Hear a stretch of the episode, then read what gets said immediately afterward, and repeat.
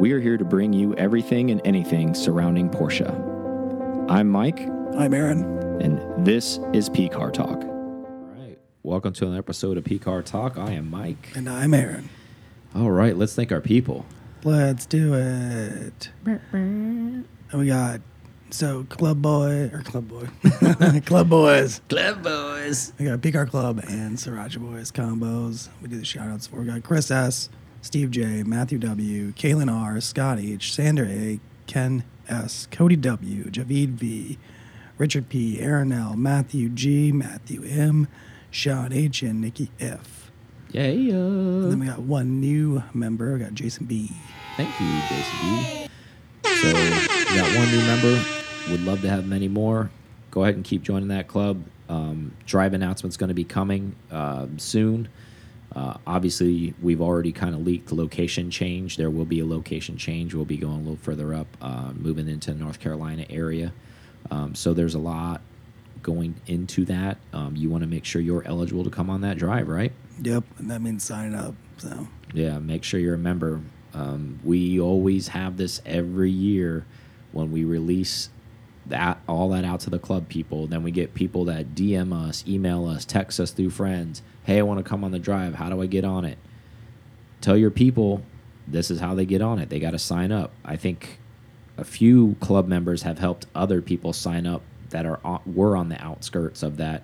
If you're one of those people, help your friends sign up because some of some people just aren't tech savvy, and we've basically had to walk some people through this stuff, and um, it's unfortunate because then they get to miss out on the uh, the drive, and it, it you know can't handhold everybody. So it's pretty simple. I mean, really, it is. There's a club drop down. You you sign up and you click your tier and you move on. It, it really is that simple. Um, so enough of that. So a lot to unpack on this episode. We're back from Rolex. What a great weekend. We're sunburnt, tired, fun times. Um, but let's let's basically get into it. Obviously, um, not as great showing for the 963. I'm sure as Porsche had hoped, or all the fans that had hoped. no, Um, I, I the first thing I thought about too, like um, like we we talked about, it's RS Spyder motor. So was that the best choice? I mean, even though it's reliable back in the day, is it still going to perform to the level of these newer technologies? Exactly. That was a long time ago, man. A lot of it's a lot of things have changed since then. Um, they got a lot of miles logged on the car too. So th- for them to have any type of failure, like uh, which seems very weird. strange, right? same failure twice. Yeah. So, Which seems super odd. If you don't know, they got basically DNFs on those cars, essentially. Um, what? But I mean, they did finish essentially, but they were they were down. diff problems and, that, Yeah, and then, uh, transmission drive issues, shaft, uh, yeah. the drive shaft leaking or something. They were saying oil. Said they said uh, leaking leaking fluids. I think that was the. Uh, so the like what we got, much. what we got to see at least while we were awake, because all that happened while we were asleep. So basically headed home around midnight ish. Mm. Um, the cars were still running and they were running strong at that point. And we woke up to them just having all types of failures, I guess, throughout the night. Um, I don't know if six was still out there or not. I, I know. It's it's just weird. They had it's, it's anomalies, I guess. Yeah. Well, well I want to I want to touch on what you just said a little bit. We saw the post. If you follow Porsche on Mo Motorsports on Instagram, and I'm sure most people do that are listening, we saw them many, many times leading up to the race of them boasting about the mileage that car has logged. Um, Yep. Okay, um, makes me wonder under what conditions, right? Um, how long of stints were they going to log that kind of mileage? Because as we know how grueling of an endurance race is, a 24 hour race. Okay, so and, and we can speak from firsthand of that. So the race started at 1.30. We left around midnight.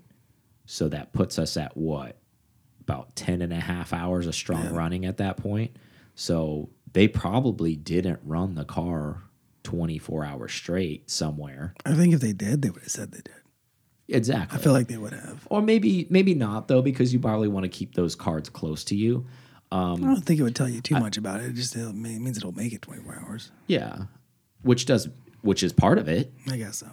However, maybe they did do that and they didn't have a failure. I, I, and as we know, all know, just because it did have a failure didn't mean they didn't run that 24 hours at some point. True. Who knows how hard they were pushing for those 24 hours, right? It, It's a Mm-hmm. totally different environment when you're pushing to try to win. Like, so you're pushing every lap you can. And we're all those same drivers in the same lineup too, in the same order. Yeah. Like that make that makes a difference. And then again, they're not going to have as much traffic as they ever had Mm-hmm. With 60 cars. That's a lot of cars on that track. Absolutely. I think from a like at least from me as a fan, my takeaway from this is I look at it as a positive thing and not just because I'm a Porsche homer. They're underdog. know. Yeah, I'm looking at it now as this is a good thing from a longevity of the program type of situation because if they came out the gate and just like Dominated. blew the doors off people, we'd probably only see them run this program this year and next year, and that's it. The fact that they're actually having to do additional R and D, try to figure out what's going on, that let's just be honest, uh, for the sake of being honest, even when they were running strong, they were not the fastest car out of the group. The Acura was still the fastest car, and they ended up winning. So let's let's give credit where credit is due. Acura has a better car for this right now. Hundred percent. And but I mean, Acura and Cadillac both have um, strong DPI standings, and I think Mm-hmm. that's and that's where Porsche's coming in lacking is because they have just haven't been at the game. Well, yeah, because they've sat out years. because they're like, what do we have to prove? So that shows Now they got something. right? Well, that shows taking time off, even in that class, can hurt you because those teams seem well oiled. They seem ready to go. Even those drivers seem ready to go. Um, those guys set the fastest lap record on track during qualifying. So there's something to be said for that too. Um, is definitely going to be a f and the car lasted the entire time, so you can't bank on the car failing. Yeah. Uh, so Porsche doesn't have that now. So you you have to outrace the car, and right now it doesn't look like it has the pace for that. Um, And so that's the crazy part too is that whole class is separated by like hundreds. It seems like super super close. Mm-hmm. it does. all that stuff matters, and it could. And, and the difference could be just because they continued to race when Porsche didn't. That could be enough of the difference there, where they the and we all talk about this all the time. The the continuous tweaking of that car probably helped them make the car that they have right now, and uh, has put them in a really good position. I mean, that car looked very very fast. I mean, the Porsche looked fast. Don't get me wrong. It it doesn't. When we were there in person and seeing it there, um, it didn't look slow. Um, but the Acura could you could definitely tell there's that car has power and consistent power because they were able to put it down. And same with the Cadillac, consistent power. And all those drivers in all those cars, they're ready to go. Like they're used to driving those cars. Um, I would say between the the two teams, I would say fifty percent of the guys in the Porsches are comfortable right racing in that car. Yeah. It's a totally different machine. That's the other thing too. Mm-hmm. Even though they have logged miles in there, we don't know if everybody had logged miles. Yeah, when you're wheel to wheel, like when you're on an open track running that, sure, I'm sure that's easy to do. I mean, at least for a professional race car driver. Um, not saying for someone off the street, but I'm just saying in general. And then you, like you just added in, you put 60 plus cars out there, anywhere from, you know, you have your LMP cars to your GTD cars and all, all, in between, all over the place. And then you got to figure a way to navigate that traffic, and you're not super comfortable with the car adds a recipe to well your car isn't the most powerful car so you have to run a perfect race to be even be up there to begin with and clearly they didn't run one so and they had mechanical issues on top of that so there's that Yeah, the craziest part is like we see them come by, and then it was. I mean, seconds later, and they're already coming down Mm-hmm. turn one. yeah Like it's it's this is the most crazy thing, and I think the most the other the other uh, crazier viewpoint was that one where on the backside when they're coming back up the bank. yeah That's that was a lot of cars. well the crazy thing is is i was thinking about this the other day so those cars are running lap times kind of like like the rsr was running on sebring and we all know how short sebring is right So, and if you don't know, Daytona's a large track. There's a lot of mileage on that track, and they're running that time at Daytona. So think about that, the speed Yeah. it's being carried there. Um, it's immense. So, our theories and thoughts behind that, you just heard it. Um, we're excited for them moving forward. As we know, Uh, Porsche is going to take all that data and they're going to put it in the, the magic ball, and I'm sure they're going to try to do something moving forward. Um, Do you know if they BOP the the LMDH program or the GTPs? there was no talk of it, so I don't know. I just don't, wondered, I don't think so. I know we talked about that for the other cars. I don't think so. Okay. Um, I think there's just a, a, a liter size and horsepower limit. So I think they kind of test on that. And I think all the cars need to weigh roughly the same. So on that, I don't think so. Um, but actually, I, that I wouldn't be surprised if they did, but I, it wasn't even talked about. So I, that doesn't mean it didn't happen. I just figured they're so close that that didn't, yeah. Yeah. Yeah, it makes sense. and it and it being the program that it is, maybe not. I mean, maybe there's just like cap rules, but as far as the cars go, long as they fall within those cap, glass, yeah, Get in here and go. yeah, like long as they fall in within the cap, they can run. But um, I'm not sure exactly, to be honest with you. Um, so let's go ahead and think while we're at thanking people. Uh, let's thank Aaron uh, at Porsche Jacksonville for the hospitality they provided. Um, they fed us lunch and dinner. Um, they fed other people breakfast too. We just happened to not be there that day. Welcomed us like we were family. So if you don't know, they put on a hospitality brew, uh, booth, um, and they had beers, they had soft drinks, they had food, um, and very accommodating and very welcoming. So we definitely want to thank them for that invite. Um, if you're ever around, or if you're not around, uh, you want to order a Porsche from them. They're very stand-up guys. The home of the no ADM. Yeah, no ADM. That's a big. That's a big. Uh, big. I'm not saying tagline. you got you can't like you may need to buy ten cars, but there is no ADM. so there's that. So look for you know reach out to Aaron over at Porsche Jacksonville if you're trying to make your next purchase or if you're trying to make a move on a car. I'm sure they'll be more than willing to help you with that. So let's talk a little bit about since you brought up BOP. We talked about BOP on the last one. So if you watch the race on TV or you were at the race, it wasn't a joke. Uh, the Porsche team's crying about the BOP. They weren't just being whiners. Um, there was very, very clear indication that they couldn't carry pace the entire race. Um, and as so, I think the best finishing car fifth. was fifth place at, on the Pfaff team. Um, if you think about it, it, which is an incredible thing that they were able able to do that because the cars were so much faster than them, and they finished on the lead lap. Um, obviously, they played. They had to play a perfect race just to do that. So, man, if they could have got a little bit more juice, you should you could see how effective that car can be. That was the winning team from last year. Just Yeah. put that in perspective. So Yeah, that's, and yeah, and you can definitely tell power differences. That's where you tell at least Daytona is on those banks straight on the banks. Mm-hmm. You'll see it. You'll see it. If if anything's faster when they start hitting those banks, Corvettes, you can see Corvette just looks like those cars were standing still. yeah. Same thing with Mercedes. The And the Mercedes, I I mean, I felt like the WeatherTech Mercedes had like was gapping. Yeah. Everybody like seconds and seconds. And then Mike and I kind of talked about that. They don't do any like retroactive BOPs or active BOPs. I don't know how you would call it. They don't. And I think that might be something they that would probably be something that would be hard to do, but still would be entertaining for the fan base and Yeah. probably I don't know be detrimental to the race teams or not but in between, but I think they should try doing that. Maybe that's something they could look at doing. Yeah, I guess I think I think the calculations at that point would be kind of tough though, right? Because Whatever the hour calculate, like if it's within twelve hours yeah. or whatever. But I'm saying like that's all based on driver too. Like if you have a weaker driver in the car, and then they base their calculations off of that, and now the car maybe has a lot more power with a better driver in it, or it appears to have better power because that Yep. that driver can carry more speed into the corners and exit faster than maybe because we all know there's weaker drivers on each team. That's why there's a team. Yep.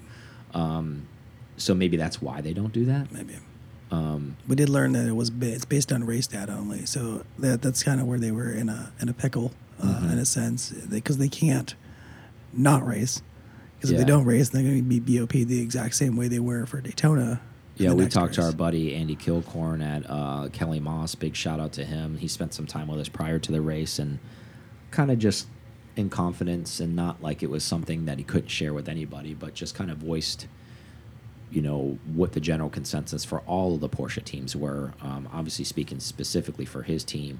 Um, kind of a bummer too because they're a new team and to come out their very first race. It takes a lot of morale and wind out of your sail, I would think. Yep. Um, of course, they're going to they're professionals. They're going to gear up. They're going to be ready to go for the next race. So that's not that. But it just Daytona's such an exciting racetrack. There's so much, and it was a sellout. If you didn't know that, um, first time in a long time that there was actually a sellout for this race. Um, I can't imagine what even as a team owner and then the drivers for that team, especially for, like they're just probably excited, like an opportunity to win that Yep. Rolex, an opportunity, and then not to have the opportunity because you're crippled by the sanctioning body because you're running an Evo car that they basically take all the take your legs out from you because they don't want to uncork you and not be fair to everybody else. So they're just going to be unfair to you, which seems very lopsided way to do that because I mean, let's be real. I think they would be kind of close. I, I'd be interested to see how they ran against all the other cars because I feel like they were, so- like you said, it's such a um, a detriment to their their speed that they. I think they'd be close. And the, I, I don't think think, they'd run away and another thing about this too is, in, in and I'm saying this by just observing when we walked around because we walked a lot of the track. So even from the camping tents that people that we didn't know, that flags that they were flying there. Um, if you don't know this and you've never been to an endurance race, it, generally speaking, there are a lot of Porsche fans there. Uh, I would say the, if if you had to do a consensus of all the people there, I would say probably anywhere from 55 to 60 percent of the people that are there are Porsche fans, and then the rest are just made up of whatever else is there. Yeah.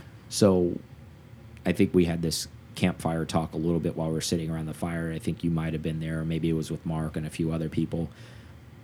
That it seems really odd for IMSA too to kind of take a stone and throw it at Porsche, even though there were so many in the field, to to cut all of their legs out and the fan base to go go behind that and support them. Um, I don't know. It, it seems like a, a unfavorable decision. I think uh, uh, from a and if you don't know this, IMSA does play to tho- to those favors. Is why I bring that up. Is clearly Mercedes was in their their favor this year. Um, so those cars are uncorked and they were allowed to do whatever they want. Uh, prior they've years, never been strong ever. Yeah. Prior ever, years. Ever ever. yeah, prior years, Ferrari, you name the year, they're up there. Like the Corvette's been favored. Um, Porsche has been too. Uh, so I'm not going to just say that Yeah. they're not. But I'm saying as a whole, to go ahead and cut all those teams like that, I mean, that's there was a lot of Porsches running, and a lot of them finished very in the double digits, right? Like 10, 11, 12, Mm. 17th, 18th place. Like it's just bad stuff. Um, and again, I'm not saying that they need to do Porsche any favors. I'm just saying that why don't you let the car run and just instead of make it run on the detuned uh, tune level three when the car is making 310 horsepower. That's not fair. Yeah, I mean That's not a fair race. If if your job as a sanctioning party is to make a balanced race, balance of power, that's not a balance of power. Yeah, it's weird. I don't, and and that's probably something we can take back and do our homework and see what their BOP, you know, their their math, how their math works. But it definitely seems skewed to us, as, It's, especially fun, it's funny math is what it is. It's it's it's per manufacturer. That's how they do it. I mean, that the the WeatherTech Mercedes literally had probably eight car lengths on Yeah. on cars. Like it was crazy different, Yeah. even compared to the other Mercedes. Yeah. I agree. But yeah, I mean, BOP, that's where we're at, and hopefully we'll see a difference at Sebring. But Well, that's the thing is it's it's a long season, which which kind of sucks in a way and is good in a way, right? But like, there's so many points awarded for the 24 hour race, and to not even be able to get podiums, you're missing out on a lot of points. So, uh, like we talked about on the prior episode, all these teams are going to be trying to make up for lost time throughout the year now, Yep. um, which makes it a, a very daunting task. Um, it breeds competition, but I mean, that's not the way you want to breed competition. Yeah, I agree. And then on top of that, it's it's I don't know, and it's almost kind of like you know they're going to chase their own tail, meaning IMSA on this one. So they're going to what dial all these cars up, and they're going to be dominant at Sebring, and it's going to be like okay, so now that's not fair either, right? So then the other half of the parties and Mercedes and all yeah. those people are going to be like, oh, so you uncorked those cars because you penalized them at, at Rolex, and then maybe the following race at you know what VIR or something, Yeah. they they finally get it right where the cars are supposed to be all on the same level playing field. I just feel like it's kind Everybody's of like hear about it from Benz talk, Vet talk, Ferrari talk, Yeah. all them talk. all it's them just probably just amateur hour. I feel like like who's making those decisions because I, I don't know. It just doesn't seem. I think it just changed from from year to year, and they're just trying things out until they figure it out. Yeah.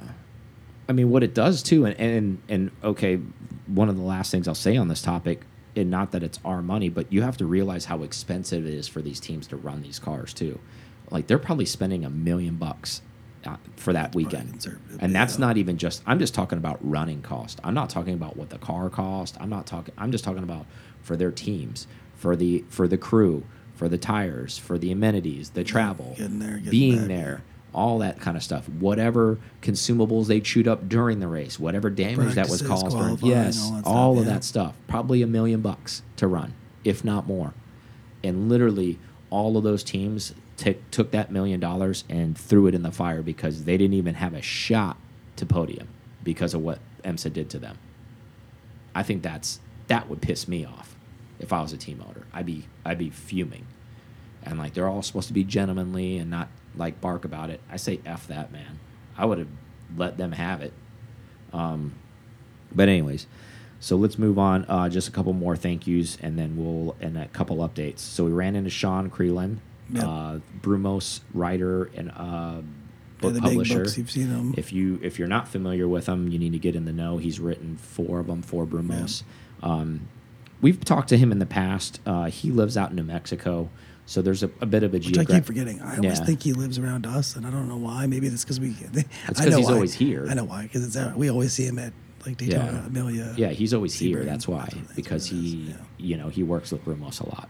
Um, so finally got some actual good, contact yeah, some good. FaceTime with him. Um, not just Instagram talk, which we've been talking to him over the last couple years, and he's wanted to do it. We wanted to do a podcast with him, but finally we're going to try to do like maybe a via phone uh, recording with him, and he's got a lot to say. If you don't know him, he's done a lot of documentation. Teaser. He's been in Sports Illustrated. For Yeah. what? You'll find out later. Exactly. So it'll probably be a mini series. Well, there'll probably be two or three hour long Probably. episodes He's a with talker. him. We're talkers. Yeah, and he's just has so much history and has seen so much and and Brumos opened up the vault of all the secret stuff to help him write all those books. So he's got a lot of stories to share with that and we're going to capture that and I think that's the proper way for us to do our first phone guest interview. Um, and we'll get the logistics of that worked out. Um, we just didn't want to do just anybody uh, on the phone, and I think this is a, a significant guest enough to do that, um, and and geographically significant too, where there is a big gap between us to get to him. It's not like okay, Yeah, well, busy pace too. yeah. He's just as busy as anybody else. Yeah. That's the other problem. Well, I- a lot of these other ones, well, you know, East Coast guys, it's like, oh, we can capture them. You always say like, oh, if you're in Atlanta, we'll figure it out eventually. Mm-hmm. You know, him being in New Mexico and us here, it, it's taken us a couple years just to get face to face with him to have this conversation. So I think the right thing to do is to have that just phone interview with him, and we're excited for that. Uh, that'll be coming up in the next month or two. That we're going to try to capture that. So look forward to that. Just wanted to update you guys on that. Um, big shout out to everybody that came to up to us in the race. Um, it said hi. It spent some time. A big shout out to Matt from Charleston saying hi and spending some significant time with us as well. Um, overall, great race, right? We had a great time.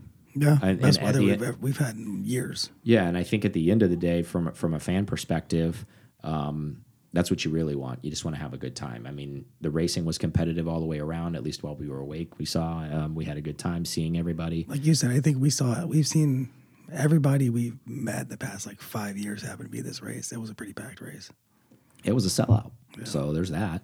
Um, one downer again. Um, I guess not to be negative Nancy on this thing, but Porsche didn't have a motorsports booth or anything to Yeah, it was a little show weird. the car off, or you know, even just a rolling one. You know, as a big celebration. No merch, none of that stuff. So a little shocked at that, to be honest with you. Um, we really expected a 963 booth at least. I, yeah, even if it was a small one, I I, I thought there would have been some nine six three I'd merch. have, bought, I'd have bought a shirt for sure. hundred percent.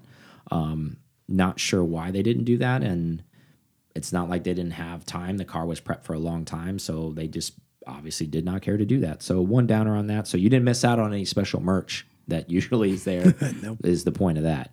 Um, so let's move on to some Porsche news. Do it. So from the Porsche camp, the 992.2, if you don't know, is already testing and Yep. far into development. Um, some stuff has been leaked out from Stuttgart on this from some very Excited high ranking yeah I saw this. people on this car. And I was actually very shocked. So I had to double check this on a lot of forums and, and people that I trusted on this. Um, You and they- snopes it, and make they- sure it was real. yeah, and they confirmed it. Um, so the naturally aspirated engine is coming back for the Dot Two. Uh, seems strange. Um, so the Carrera, Carrera S, and 4S is said to debut the detuned four-liter GT3 motor. So they're going away from the three-liter boosted car that they've been running and going back to this four-liter naturally aspirated. It doesn't make sense. Like how how is it going to meet emissions? I thought that was the whole reason that they were. I don't know. Maybe they're just going to run those. Maybe the particulate filters are going to is going to be enough, and maybe they just didn't want to do that before, and now they're just succumbing to that. I I don't know, but they're from many many popular people within Porsche said that this is happening. That's crazy. So the So detuned four liters. That's an that's an interesting move for Yeah. everybody to get one of those. I mean, I mean, think about it. You get a base one, even if it's only three hundred and like thirty or forty horsepower, it's still a four liter.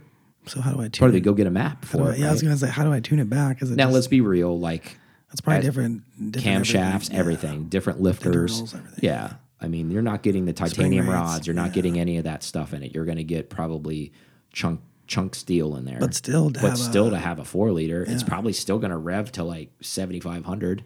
Do you think they just had a bunch of these four liters sitting around, or like, or a lot of blocks? I honestly don't know. Um, I'm actually kind of This sounds like a, the I'm proper send out. I'm That's what kind, this sounds. yeah, and I'm kind of baffled by this. So, like, even some of the guys that I talked to about this within the the secret scroll area of Porsche said that this is going to be the most exciting non GT 911 since the 997 series. Those are pretty strong words. those are. Now, I don't know if that's just a sales tactic.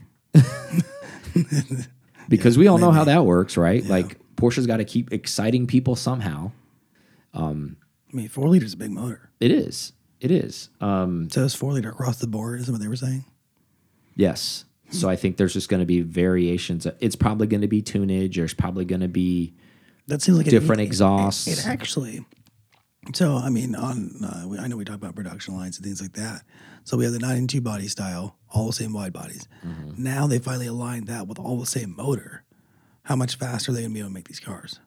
in theory, they should be able to make them pretty quickly, That's to right? be that's got to be an extra an extra few seconds here and there. But why go backward? Like, and not that this is a bad thing. I'm, I'm excited about it, but I'm just having a hard time. So, is the boosted car going to, in history now, Yeah. is this car going to lose value?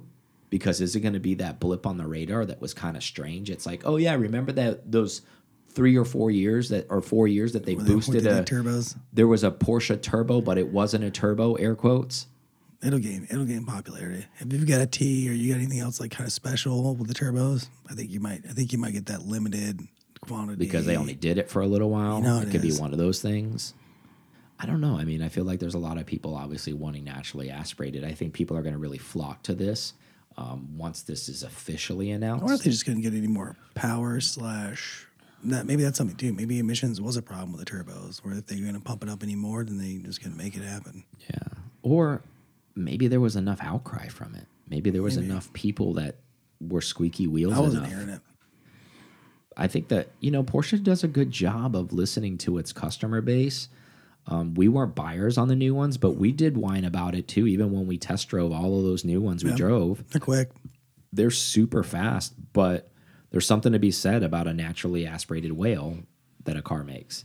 Um, they did a really good job of trying to mimic that and do a good job of trying to, I guess, make you think it was that with a very i mean they were integrated all the way into the engine area where there wasn't a lot of boost pressure to be built into tubing and all that kind of stuff. They were super small turbos that spun up really quickly. Um, so there was very little turbo lag.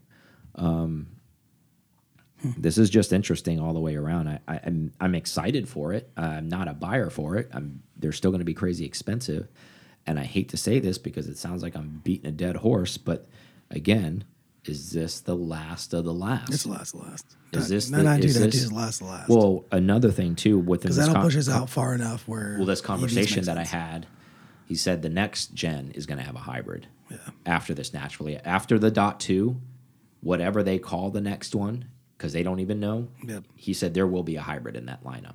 Um, he didn't say that would be the only car they were going to develop for the 911, but he said there was going to be a hybrid we'll in see that. if they even get there. Because I, I wonder if they just skip it entirely, like they've done with the Caymans and Boxsters. By that point, you mean not not even give you an option, meaning like the only 911 you can buy is a EV. hybrid? Well, yeah, hybrid or just. Well, it's not going straight yeah, EV. yeah. It's not. He said that the first step is is hybrid, and they may not get past that step. Yeah, I can see that.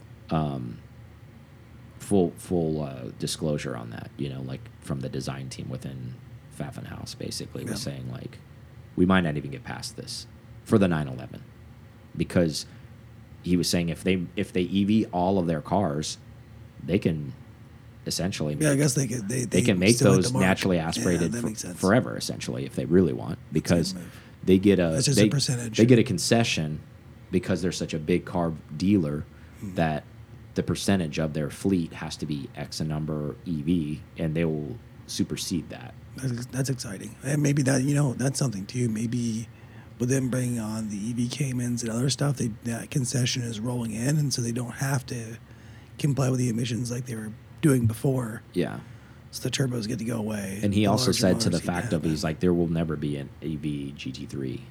well, I mean, that makes sense. Exactly. So, but never say never, right? So just because they say that now doesn't mean things change. They'll We- never be, but yet they're developing uh, a, a Yeah. GT4 E performance. Well, we know how business changes. Like just because that's just because that's the form right now, people get promoted, people get let go, people move to other companies, and other people move in. There's new design ar architecture comes Yep. in. Things change. We all know that.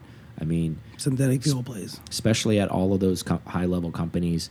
I mean, look at their executive staff and then take another look in two or three years, and it's probably pretty different already. So, just because that's being said now, now fingers crossed, I hope not, but we never know. Let's take a quick break and then we'll cover some other topics on the backside. Let's do it. We are back from break. All right, couple things to talk about on this backside. So, 357 Vision, Rod Emory car on steroids, essentially. I don't know. It's it's an interesting concept, and it's been a while since anybody, especially Porsche, has reached back that far Yeah. to to make a reference. And I don't even know that people get it.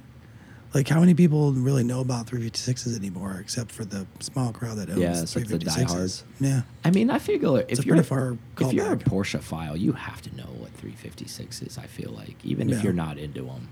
Um, but you're right. I think newbies probably, you know, the young culture, very young and very junior to Porsche, probably doesn't know what those are. Um, I think it's neat. I don't know if you watched the Top Gear like breakdown on it. I, didn't. did. I haven't seen it yet. Um, so it's based on the 4RS uh, chassis okay, is what it's the wheelbase. That's pretty it. cool. Yeah. Um, so because that's a concept, it was no motor, obviously, but it's yeah, it's Yeah. just on that chassis. Um, but man, could you imagine if the 4RS motor was in that thing? Like that would be pretty rad, right? well, that makes more sense with the way the quarter windows are done and all that stuff. Mm-hmm. So that's like it's prepped for it. Yeah, that would be a pretty cool, uh, pretty neat even thing. if they ran off only like a hundred of them, I think it'd be kind of cool if they did it. So, and then they were talking about like where the the headlights and the tail lights where they look like they're just like Yeah. silhouettes. So what's behind them is actually a super super bright LED. Oh, so it's so it actually so it they are head the yes. Oh, nice. So it's it's actually some pretty cool future Yeah. radical stuff. What I just thought about would be cool if they did a. Uh, they went to uh, La Carrera Panamericana and ran it there. That would be a cool throwback. Yeah. to some of the stuff back in the day, but 4RS. Yeah. So I think it's pretty neat. Um, so some of the stuff I saw in the breakdown with it, I mean, it looks it looks pretty rad. Obviously, it's bigger than a normal 356. It has to be if it's on the 4RS chassis. Um, but after watching that Top Gear breakdown on it, um, I was more kind of into it than just actually seeing and reading about it. Like Yeah. where they actually were seeing the camera angles of it, seeing some of the breakdown and the silhouetting of the car and the way they were made and how much homage they paid to the actual 356. looks very much Emory Outlaw. Yeah, that's what it looks and like. that's why I kind of joked around and led with that. Um, it's almost kind of. I know Rod did this, um, and we were at the Peterson when they unveiled. It looks very close to that. Yeah, that uh, the 356 that The he built for Momo. that he built on the 964 Mhm. chassis. I think he called it a 356 RS or something like that. I don't really know what it was called, but RS Outlaw or you name it. Or, um, yeah, it's kind of interesting on that. Um, that car got mixed reviews. Some loved it, some hate it, some still are kind of on the fence about it. Um, RSR Outlaw is what it was called. yeah, okay, RSR Outlaw. Um, I like this 357 thing though. I mean, it's kind of neat too because 357 Magnum, kind of a heavy, heavy powerful Maybe it's got handgun. a 4RS motor in it. yeah, got it's got a heavy some- punch to yeah. it. Um, I guarantee there are probably tons and tons of collectors emailing and talking to their people and channeling it up. And maybe this is a feeler car. You know how they do that sometimes. And then maybe this concept turns into reality. Um, and then we they make maybe 100 or 200 of them or they make 357 of them like how they like to do Maybe. and, and then uh, us common folk will never ever see one other than an instagram because no one will ever take them out of their vaulted garage it's air launch a Rennsport, conditioned and calling it. Just like to make futures, just thrown out. it's entirely possible i mean they got to launch something there right yeah. i mean we're going to see something Full EV though. It's gonna have the E performance motor and it's gonna be electric. what the 911 full ev what it's No, like be the that Cayman. Remember they did the E performance oh Cayman. yeah yeah yeah So since it's already made for 4RS, launch- they could just put this body the- on top of it. Oh, you mean this thing there? Yeah. Oh no, I don't think Combo. so. They said this car was definitely full uh, It looks really cool. uh, dyno fuel. It, it actually looks a little bit Taycan. hmm I'm looking at it. A lot of that design language, I feel like, is similar in a way. Um, I- I think it'll be interesting to see what they launch at Rennsport. We've talked about it in the past. They always they always save something to launch there, and, and I think, from my understanding, actually, I think when Rennsport announced when they were being Yeah. there, I, I think following that, I think somebody at Porsche said something. There's going to be multiple releases of cars there. We'll see the RS touring there. Um, yeah, actually, but we talked like we had some conversations with people that. about that car. Um, after I think actually, Aaron, we talked about how we talked about the uh, no one's committed to the ST name. Everybody's talking about ST, but no one's. yeah we talked about what was that the the anniversary car Yeah. or whatever that they made. Um, that the turbo S motor, that's the Sport manual Classic. sport classic. Yeah, that's Mhm. what I was looking for. Thank you for following up with that. Um, he was saying, well, if the ST ever does come out, it'll be a 3RS, essentially wingless, less aggressive aero, all that stuff, manual, um, touring, essentially. Yeah. Um, I think that will also be another hot ticket that we may see in a Porsche Corral occasionally. but, anyways, so we have an episode of this or that. Yeah, pretty Um, much. I told Aaron uh, a few days ago what I wanted to go over on this, and we're going to talk a little bit of length on this and just kind of let this run out, however long this takes. Um, like two minutes. You know me, long winded. got a lot of detail. Yeah, I want one. Yep. So, thanks for following the this or that. Um, but in all seriousness, I approached him because I got the idea of I saw a car that was a salvaged car, um, and it kind of gave me the idea for this um, Which in I the three believe, RS so. range. So, it's a this or that. Would you rather have a 997.1 GT3 RS Frog? If you don't know what that is, look that up. Signal That's a green. signal green uh, Gen 1 of the 997 GT3 RS. They didn't make a lot of them. Very coveted color. Non accident car, perfect title, everything. Um, Okay. Very low mileage, Mhm. $300,000. Or 997.2 GT3 RS 4.0 for $300,000 with a salvage title. Which would you take? Why? And what would you do with the car based on your choice? Go.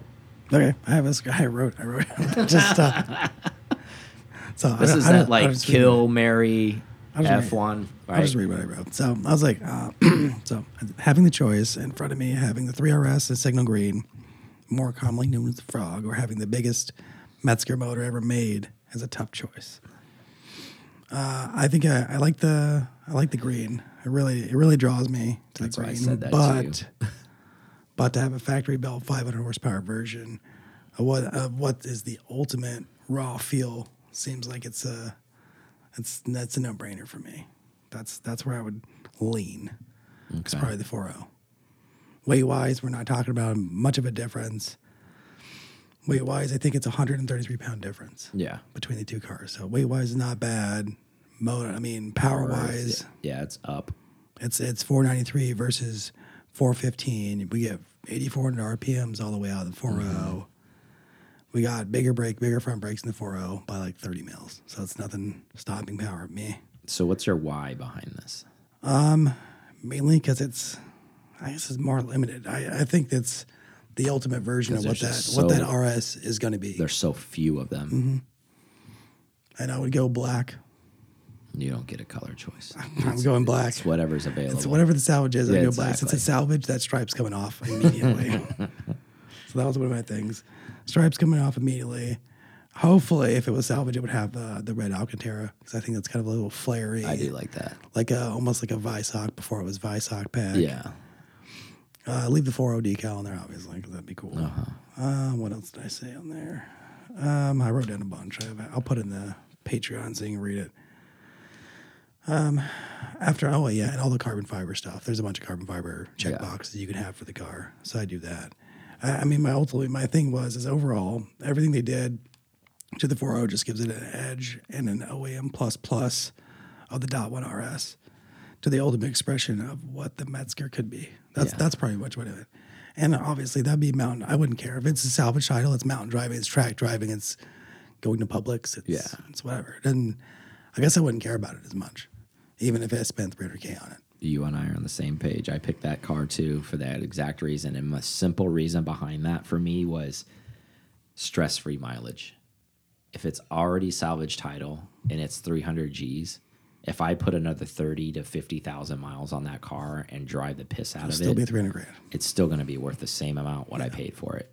Um, if not appreciate, just because it is what it is. And it's being used too, right? Like I probably you actually if you hung on to it long enough and not try to flip this because it's a salvage title and actually use it for the proper usage because it's a salvage title car. Mm-hmm. I mean, hell, that's a lot of money for a salvage title car. Um, but it is a RS40 It's still, Metzger. it's still exportable. I mean, yeah. I mean, there's ways around the, the salvage title piece. Yeah, but I mean, you don't want to be the guy who scumbags that car. My point is, is like if you buy it at that, like you don't want that coming back on you. I, I, my point is, is I would pick that car just because for the, the what you closed with is what I was going to open with. Um, so it's kind of great that we're on the same page with that. But I would drive that car everywhere. I would, I would just eat mileage with that car. I would this everywhere. Walker this car. Yeah, The two seven seven. This yeah. would be like two seven seven. Yeah, I would eat mileage with this car, like on purpose, and like people would know, like almost like we've seen these crazy stories. Like there's that Carrera GT, it has like seventy five thousand miles on it. That was like over in Europe. That the guy basically daily drove it. He was like some engineer, and the car still sold for like five hundred thousand dollars. Yeah, my only things like to add to it would have been I would lower it because I'm, I'm sure the right height, even though it's lower, Yeah. lower it, loudest exhaust I could possibly find. Yeah, and I would drive this thing basically everywhere. I, I really would. I, I would do it like kind of like you said, um, minus the Publix trips. Obviously, that would I don't be know, it, I was just saying. I know. I I know you were just making a point, um, but I really would. I I would I would road trip this car. I would, and and the great thing about that is a lot more people would actually get to see an RS40 in real life. So almost kind of like you be treating other Porsche files by by able to see that car. Um, why I didn't choose the 997.1, I guess instead of reiterating what you said, I don't want to like sound redundant. Um, so I'll just go on the opposite. Yeah. Of I'll just talk about why I didn't pick the 997. I love that color. Um, I if at any point or I just came into a crazy amount of money and I could find one of those and obviously a clean title, like I probably wouldn't drive it the way I should drive it. And I know that's very contradictive of what I believe in. but I just think it's such an awesome looking car. I mean, I would drive it, but I wouldn't drive it the way I drive my GT3 currently. Um, and I think for me, that would be a shame. Like for me, like because I, I feel like I would kind of be a hypocrite. Yeah. Um, but I think if I got a low mile one, I just wouldn't want to be the one to eat that. Okay, I'm just going to drive it, no fucks given. I'm going to do whatever I want with this car, da da da da da, and I lose my ass on it because I did all of those things. Um, I don't think it's more. I don't think it's a three hundred thousand dollar. I mean, okay, let's just say I sell my car for a hundred. I don't think it's a two hundred thousand dollar more experience for the the 997.1 GT3 RS over the current 997.1 GT3 I have too. So that my head my headspace is there um, with it. And again, I'm with you on it's it's rare, but it's not as rare as the 4.0 Metzger. Um, it goes back to that thing we talked about before.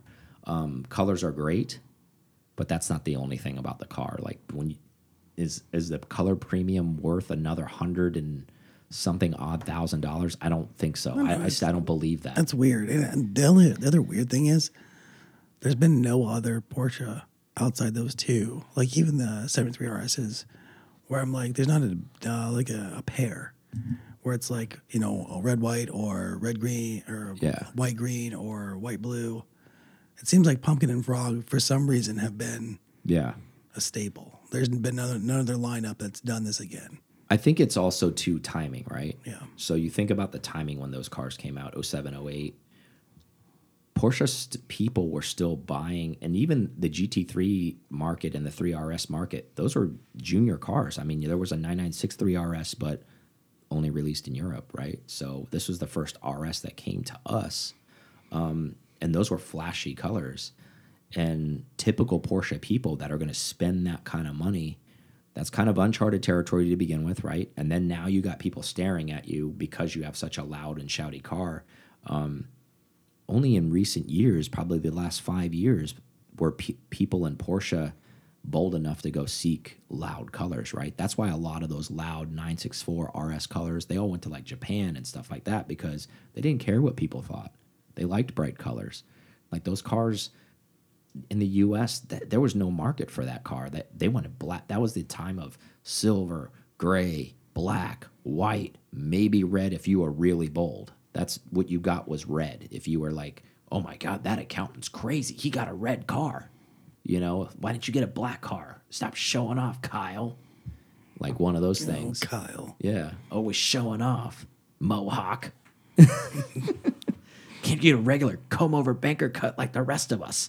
Um, but yeah, I think I think it was that timing with that car, and I think those two were very polar polar colors for Porsche. I mean, they're older colors, but for the time and period, they were bold colors. Um, but a, a beautiful car. I'm, I'm super jealous of everybody who has a pumpkin and a frog. Um, I totally missed the boat on that. I really did have a shot at a pumpkin where I was close. I've s told that story many times. Aaron's playing on his phone. Don't- worry about that.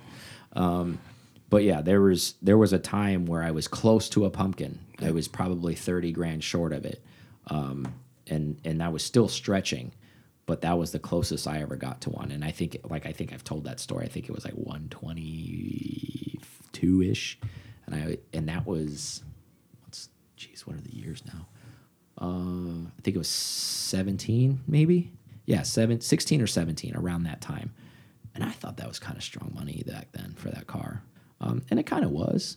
I mean, at that point, GT3 uh, 997.1s were selling in the 80s. Um, so I, I was still even thinking. a big.